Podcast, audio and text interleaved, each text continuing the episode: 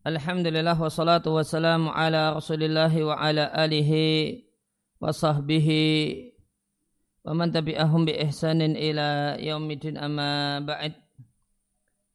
Kaum muslimin dan muslimah rahimani wa rahimakumullah kembali kita lanjutkan membaca dan mentalaah fiqh ta'amuli baina zawjaini karya Syekh Mustafa Ibn Al-Adawi hafizallahu taala wa faqahu.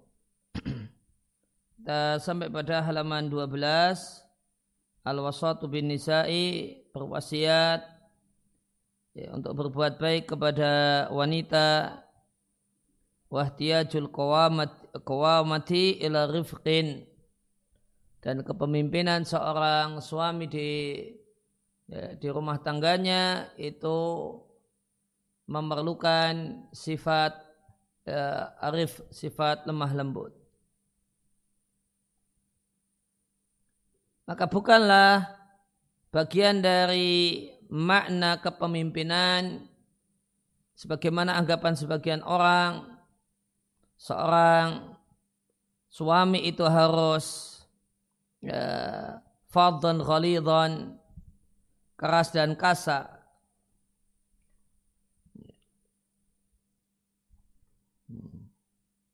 wajulfan sama kasar jafian kasar fi baitihi ketika di dalam rumah. Ya, sebagian suami beranggapan bahwasanya ya, so, sebagai seorang pemimpin kepala rumah tangga dia harus keras kasar ya, mudah main tangan dan sebagainya ini satu hal yang tidak benar. bahkan seba, uh, bahkan uh, yang benar seorang suami, seorang laki-laki ketika di dalam rumah itu semestinya lebih cair uh, dibandingkan keadaannya ketika di luar rumah. Kalau di luar rumah dengan tetangga, dengan teman kerja, ya, dan yang lainnya tidak ada jaga, jaga wibawa.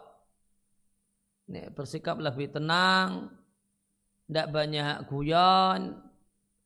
Namun ketika di rumah, ya, semestinya seorang suami, seorang ayah itu menjadi ya, teman main yang baik untuk anaknya. Ya, teman yang baik untuk istrinya maka bisa uh, membangun suasana cair di rumahnya bukan membangun suasana tegang di rumahnya. Bisa kemudian asik main dengan anaknya bisa asik ngobrol dengan istrinya. Idealnya malah demikian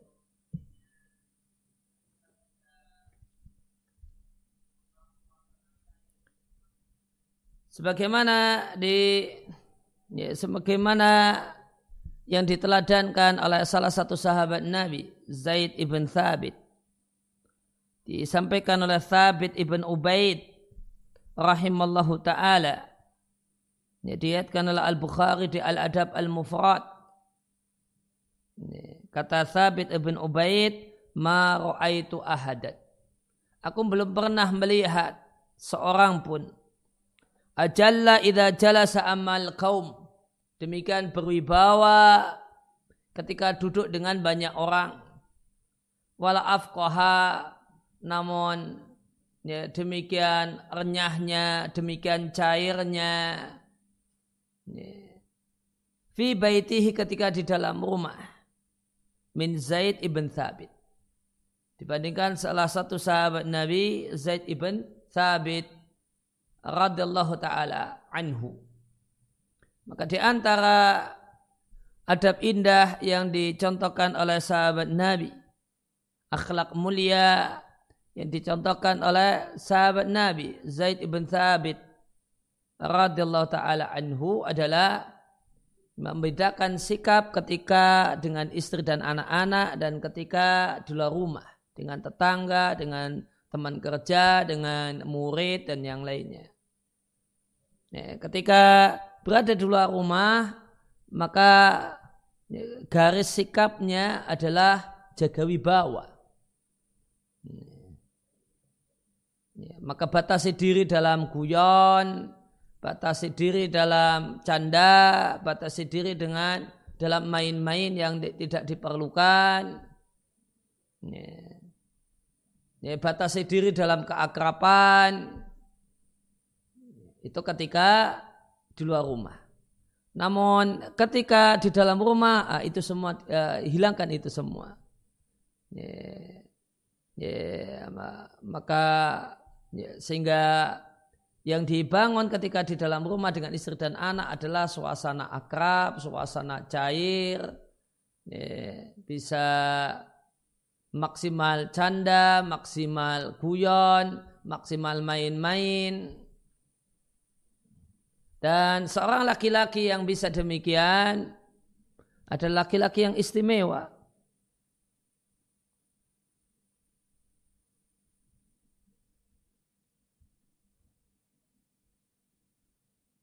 Kenapa istimewa? Penjelasannya sebagai berikut. Maka di antara akhlak mulia sebagaimana dicontohkan oleh Zaid ibn Thabit adalah seorang laki-laki itu dalutfin fil bait Seorang yang lembut ketika di dalam rumah dengan anak dan istrinya. Watawadudin dan pandai uh, mencari ucapan dan perbuatan yang mengambil hati istri dan anaknya. Wa da'abatin ya kuyon-kuyon wa mu'anasatin dan bisa menyenangkan istri dan anaknya.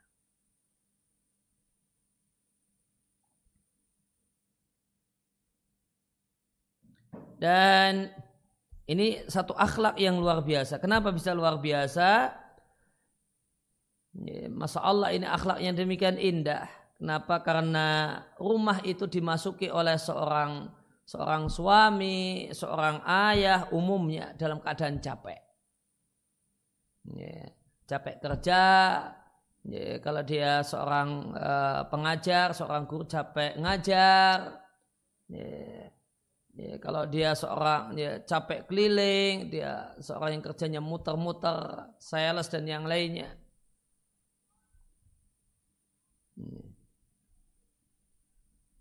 Sehingga umumnya umumnya laki-laki, umumnya sosok suami, umumnya sosok ayah itu ketika dia masuk ke dalam rumah maka yang dia cari adalah ketenangan dan rehat ya, untuk menghilangkan letihnya dengan berbagai macam uh, kegiatan dan pekerjaan di luar rumah. Sehingga lebih cenderung dia ingin untuk tidak mendengar suara yang bikin nggak nyaman atau bahkan cenderung uh, uh, tidak ngobrol dengan orang karena mau tidur, mau istirahat.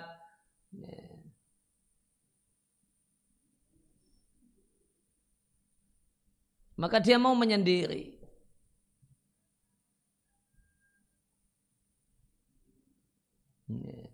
Itu umumnya sikap seorang ayah seorang laki-laki. Maka ketika kemudian dia pulang dalam keadaan berdada lapang, kemudian ketika dia pulang itu malah melakukan aktivitas yang membuat nyaman istri dan anak-anaknya malah main-main malah canda-canda dengan anak malah kemudian bantu istri ini dan itu kemudian? Bantu istri mandikan anak yang masih kecil gendong anak yang masih bayi yang ini. Kemudian nemeni mainan anaknya yang ini yang uh, yang masih kecil. Nemeni ya, kemudian ngobrol ya, ngobrol cair dengan istri. Maka ini maka sungguh satu akhlak yang sangat mulia.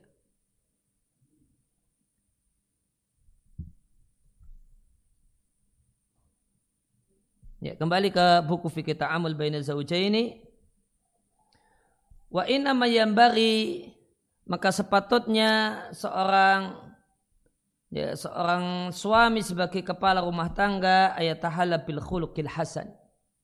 Menghiasi dirinya dengan akhlak yang indah dengan arifqi walin dengan lemah dan lembut ya, dan nabiuna maka nabi kita Muhammad sallallahu alaihi wasallam yang merupakan sebaik-baik manusia alai afdalu salatin wa atamu taslimin adalah seorang yang sangat mulia akhlaknya, yang sangat lurus akhlaknya. Padahal beliau adalah sosok yang kita diperintahkan untuk mentaatinya. Eh, kita diperintahkan untuk melaksanakan perintahnya dan menjauhi larangan-larangannya. Maka Allah subhanahu wa ta'ala memberikan kepadanya alin kelembutan. Dan Allah perintahkan ya, beliau untuk bikhaftil junah lil mu'minin untuk tawadu dengan orang-orang yang beriman.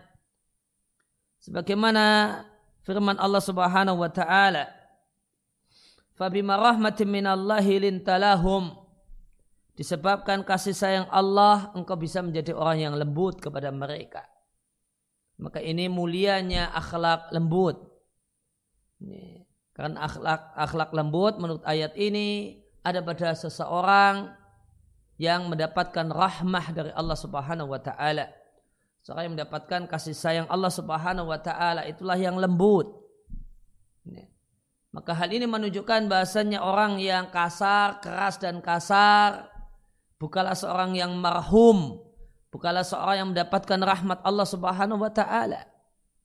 Maka ini istimewanya orang yang punya lemah lembut dalam tutur kata, lemah lembut dalam sikap.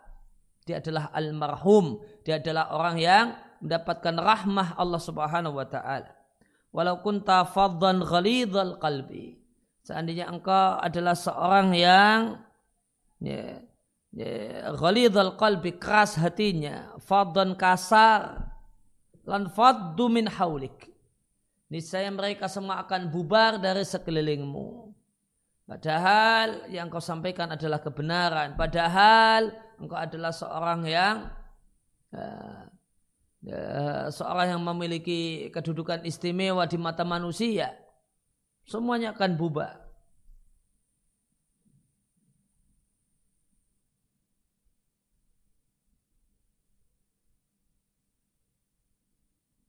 Dan di antara maka di antara bentuk lembut dan, dan, di antara bentuk akhlak mulia dalam dalam berinteraksi adalah fa'fu anhum. Maafkan hal-hal yang bikin jengkel. Tindakan-tindakan yang bikin nyaman yang dilakukan oleh orang-orang di sekelilingmu. Maafkan mereka. Ya, berlapang dada untuk memaklumi dan memaafkan. Wastaghfir lahum. Bahkan Mintalah kepada Allah Subhanahu wa taala agar Allah mengampuni mereka. Wasyawirhum fil amr. Ya, dan minta saran pada mereka. Maka di antara akhlak mulia ini adalah minta saran. Ya, antara akhlak mulia seorang pemimpin pada orang yang di bawahnya adalah minta saran bawahan. Maka jadilah dia seorang pemimpin yang dicintai oleh bawahannya. Lain halnya dengan seorang pemimpin yang hanya memberikan instruksi dan perintah dan tidak pernah minta saran kepada bawahannya. Maka ada gap, ada jarak yang jauh antara dia dengan uh, antara dia dengan bawahan.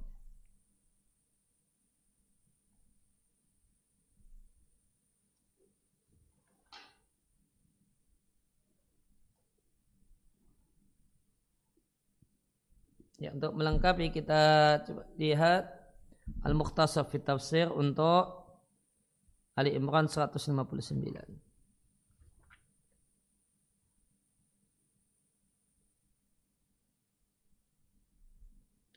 Ya Al-Mukhtasar fi Tafsir disampaikan maka dengan sebab kasih sayang dari Allah yang demikian besar maka jadilah engkau wahai sang nabi seorang yang memiliki akhlak yang mudah Ya, lembut dimaknakan dengan mudah dengan kawan-kawanmu. Nah, apa beda faddan sama ghalidhal qalbi? Ghalidhal qalbi artinya qasil qalbi, keras hatinya. Sedangkan faddan maknanya adalah kasar dalam ucapan dan perbuatan. Kasar dan keras hati.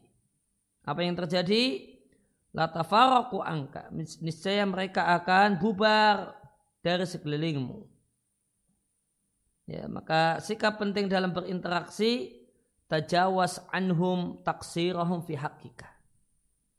Mereka kawan-kawanmu, orang-orang di sekelilingmu, jika mereka ya, taksir, mereka tidak maksimal dalam menunaikan hak-hakmu, maka ya, maafkan.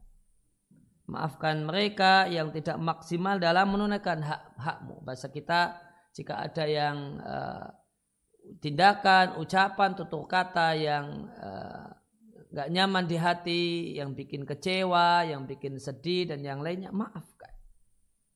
Dan mintakan ampunan untuk mereka. Kemudian watlu ra'yahum fi ma yahtaju ila masywaratin atau mishwaratin. Dan mintalah saran-saran mereka dalam hal-hal yang memang perlu dimintakan saran.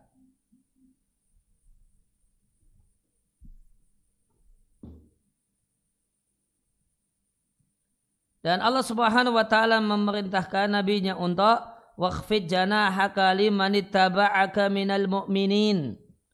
Dan dan bersikaplah tawadu kepada orang-orang yang beriman yang mengikutimu.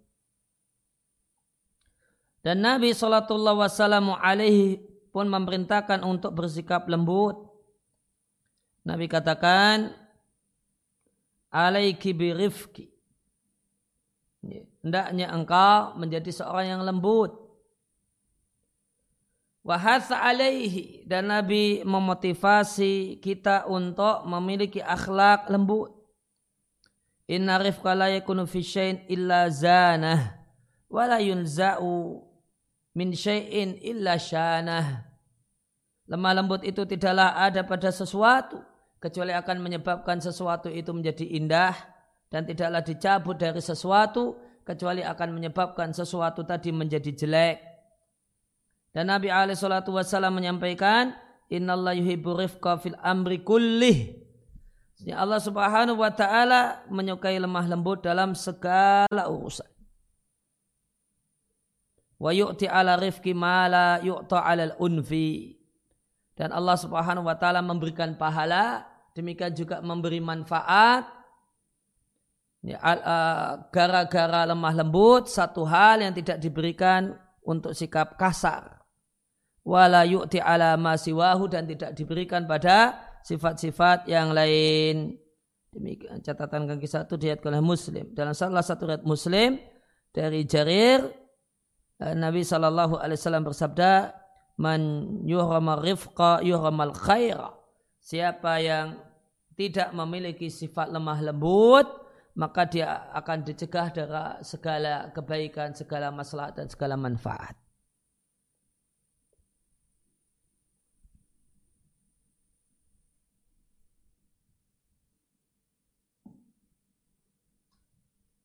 Ya, maka di antara akhlak uh, akhlak seorang kepala rumah tangga yang baik, seorang ayah, seorang suami, Tadi kita baca adalah arifku walin. Ini arifku walin. Tadi di baris kedua dari judul ini, ini bihusnul uh, bil khuluqil hasan wa rifqi walini. Ya, apa beda arifku dan alin? Arifku itu kebalikan dari al-unfu. Ya, arifku itu kebalikannya al-unfu. Ya, kasar. Hmm, atau keras ya, keras. Sedangkan lin itu kebalikan dari khusyunah. Ya, dari kasar.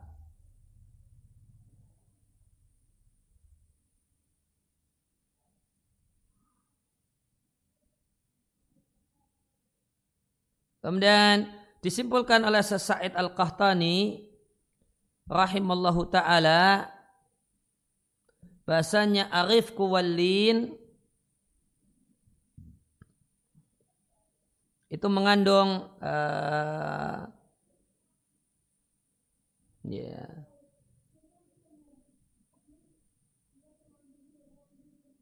ya mengandung lima unsur ya, ya, yang namanya arif kuwallin itu mengandung lima unsur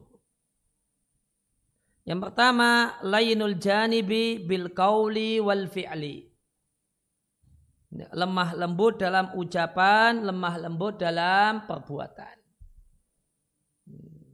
Lemah lembut dalam ucapan itu bisa dengan intonasi. Bukan intonasi yang meninggi. Ya. Namun intonasinya cenderung ya, cenderung pelan. Ya. Kemudian lemah lembut dari sisi diksi. Dari sisi uh, pilihan kata. Kalau dia bisa milih kata-kata yang lembut, kemudian tegas, ya, maka dia akan pilih lembut. Hmm.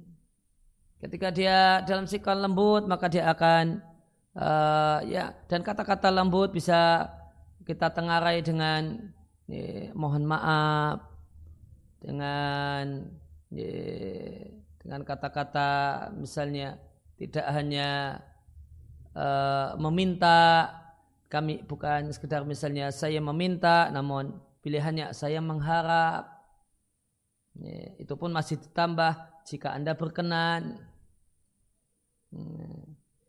Kemudian maka kemudian uh, boros terima kasih. Boros untuk mengucapkan terima kasih atas kebaikannya uh, terima kasih atas berkenannya.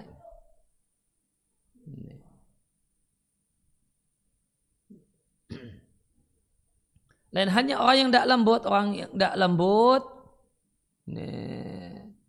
ya, orang yang tidak lembut maka dia akan memilih intonasi tinggi meninggi.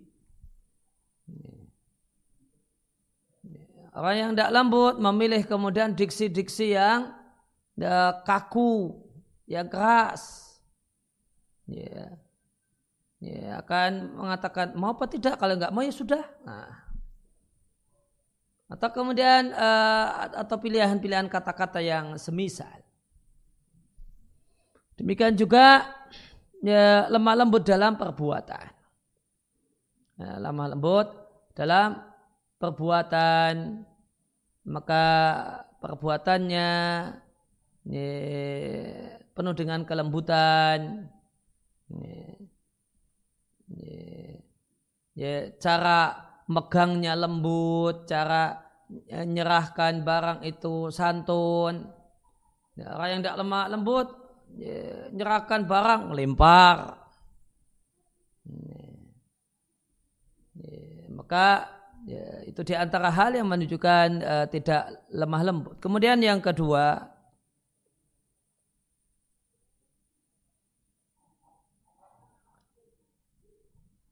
Yang kedua orang yang arif kuwalin itu unsur yang kedua wal akhdu bil azhal wal aisar.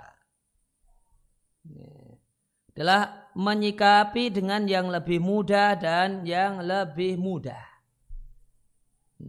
Maka orangnya akan cenderung kalau bisa dimaklumi, kenapa tidak? Kalau bisa diiakan, kenapa harus menolak? Kalau bisa uh, dimaafkan, kenapa harus uh, tidak dimaafkan? Ya, orangnya orangnya mudah. Demikian juga orang yang muda ini akan uh, akan cenderung uh, mudah memaklumi, mudah me, ya selama itu tidak maksiat tidak apa-apa. Selama ada duit ya boleh-boleh saja. Ya selama ya, ini Ya selama tidak bahaya ya tidak apa-apa. Mau kemudian istri masa ini dan itu ya selama enak ya. Ya, maka oke-oke saja. Hmm. Ya tidak kemudian kaku. Ya, ya. Misalnya Ya. Minta kemudian dibikinkan kopi kok jadinya kopi susu ya. Tidak kemudian kaku. Ya, ya tinggal diminum saja misalnya. Ya. Tinggal diminum saja. Mintanya air putih hangat kok kemudian jadi teh hangat ya santai saja. Ya, disikapi dengan mudah. Ya, disikapi dengan mudah.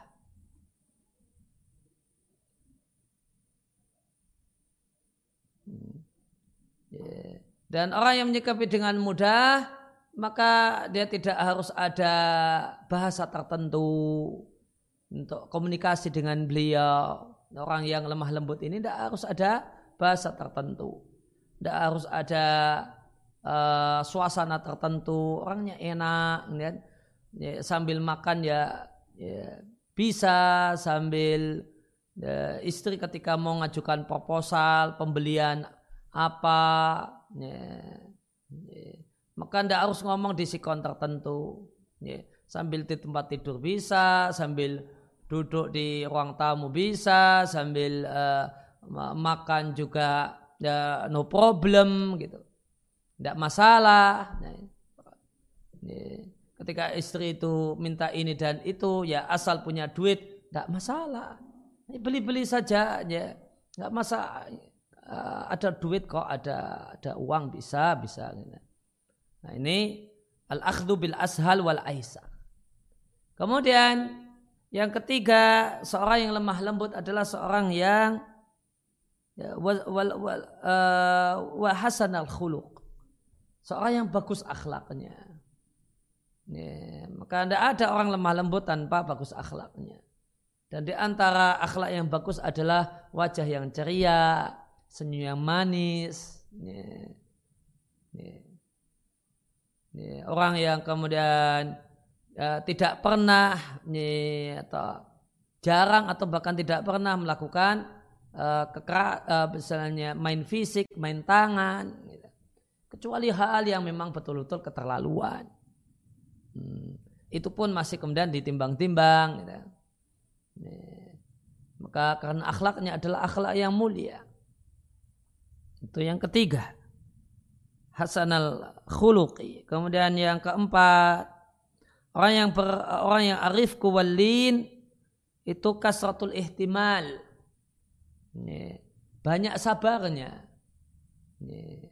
Banyak memaklumi, banyak memaafkan. Bahkan sudah memaafkan sebelum diminta. Ketika istri kemudian minta maaf, ah tidak perlu minta maaf tidak perlu minta maaf, tidak salah kok. Gitu. Ketika istri minta maaf, maka dia katakan, sudah saya maafkan sebelum kau maafkan. Ketika istri minta maaf, tidak kemudian tangannya ditolak. Jangan bahkan tangannya diambil, mungkin balah eh, bahkan dikecup tangannya. Tidak apa-apa. Biasa kok seperti itu. Maklum saja. Ya namanya saja sedang uh, sedang haid sedang tidak labil, uh, sedang tidak stabil emosinya, gitu. Ya. Ketika istrinya kemudian uh, ya, minta maaf, ya, mengeluarkan tangan minta maaf, nah, ya, malah dia kecup pipinya, nah, dan dia panggil dengan panggilan uh, cinta dan sayang, sudah tidak apa-apa, sayangku dan sebagainya. Ya, kasratul ihtimal karena ya, ya Bahkan ketika istrinya tidak minta maaf, dia pun santai. Istrinya tidak minta maaf, padahal yang salah posisi istrinya. Karena kasratul ihtimal banyak sabarnya. Maka dia respon uh, sikapi hal tersebut dengan uh, uh, ya, dengan tidak terlalu dipikirkan, tidak tahu dipermasalahkan dan tidak dibesar-besarkan. Ya, karena beliau adalah seorang yang lembut, ya, seorang yang lembut.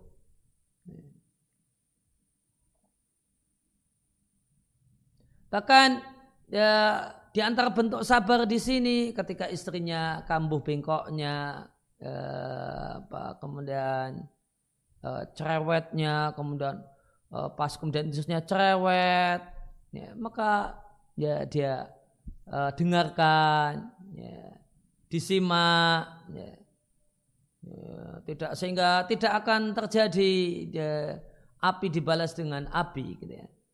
Namun api dibalas dengan air. Ya. Ya, maka apa karena kasratul ihtimal karena orangnya lembut ya, sehingga banyak sabarnya.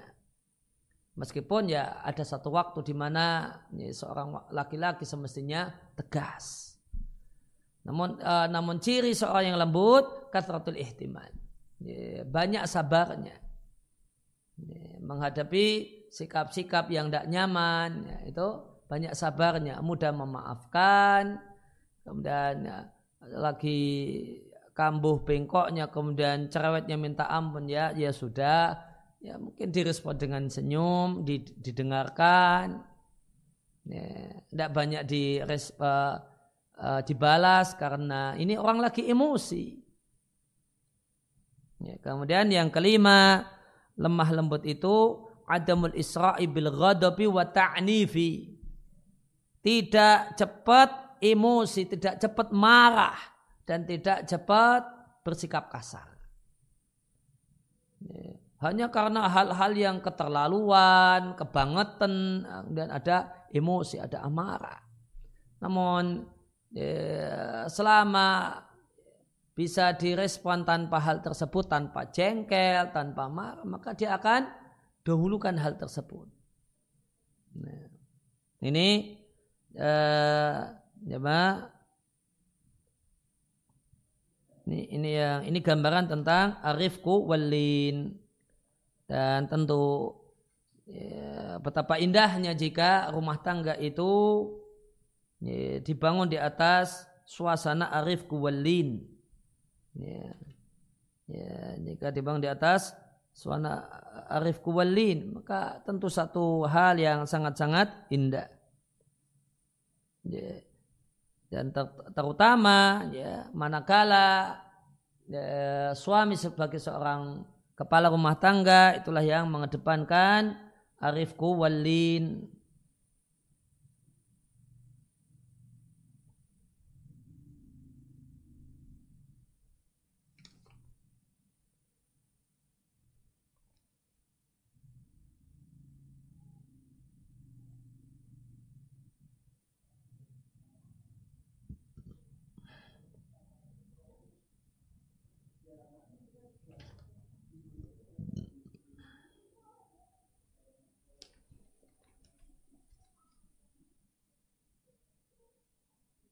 Sehingga sebagaimana pentingnya rumah tangga dengan arif kuwalin itu uh, kita jumpai dalam hadis dari Bunda Aisyah radhiallahu anha Rasulullah sallallahu alaihi wasallam bersabda Idza aradallahu bi ahli baitin khairan adkhala alaihim rifqa.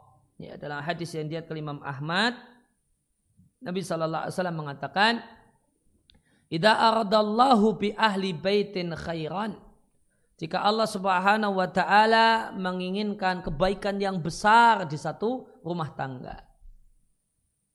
Ya, maka apa ciri rumah tangga tersebut adalah rumah tangga yang Allah inginkan untuk mendapatkan kebaikan yang besar. Idza aradallahu bi ahli baitin khairan maka adkhala alaihim rifqa maka Allah tumbuh kembangkan ya, budaya lemah lembut di rumah tangga tersebut. Ya. Suami lembut dengan istrinya, istri lembut dengan suaminya, suami istri, ayah dan ibu lembut dengan anak-anaknya, anak-anak lembut dengan orang tuanya. Itu uh, tanda bahasanya rumah tangga ini adalah rumah tangga yang aradallahu ya, uh, aradallahu bi ahli baitin khairan. Ya, demikian yang kita kaji kesempatan uh, kali ini wasallallahu ala nabiyina Muhammadin wa ala alihi wasallam. Wa akhu da'wana alhamdulillahi rabbil alamin. Ya, silahkan.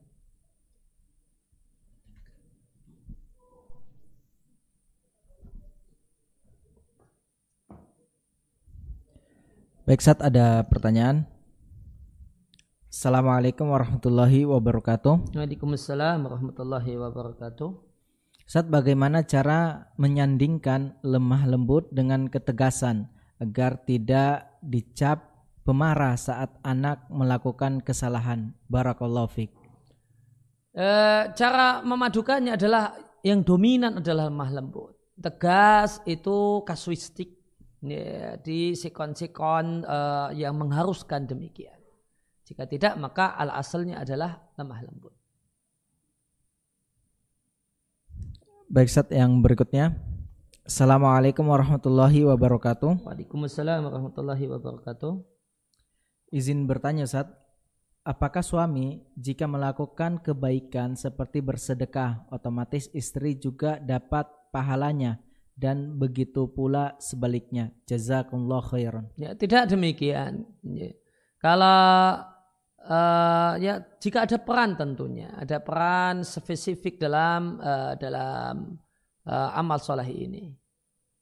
ini maka di, di, di situ maka pasangannya bisa mendapatkan pahala. Misalnya uh, uh, ist, uh, suami kemudian uh, menyerahkan uang kepada istrinya, tolong ini sedekahkan. Ya, maka keduanya dapat pahala sedekah. Maka istri dapat pahala sedekah, sebagaimana suaminya mendapatkannya karena istri yang menyalurkannya. Nah, demikian subhanakallahumma bihamdika asyhadu an la ilaha illa anta أستغفرك وأتوب إليك.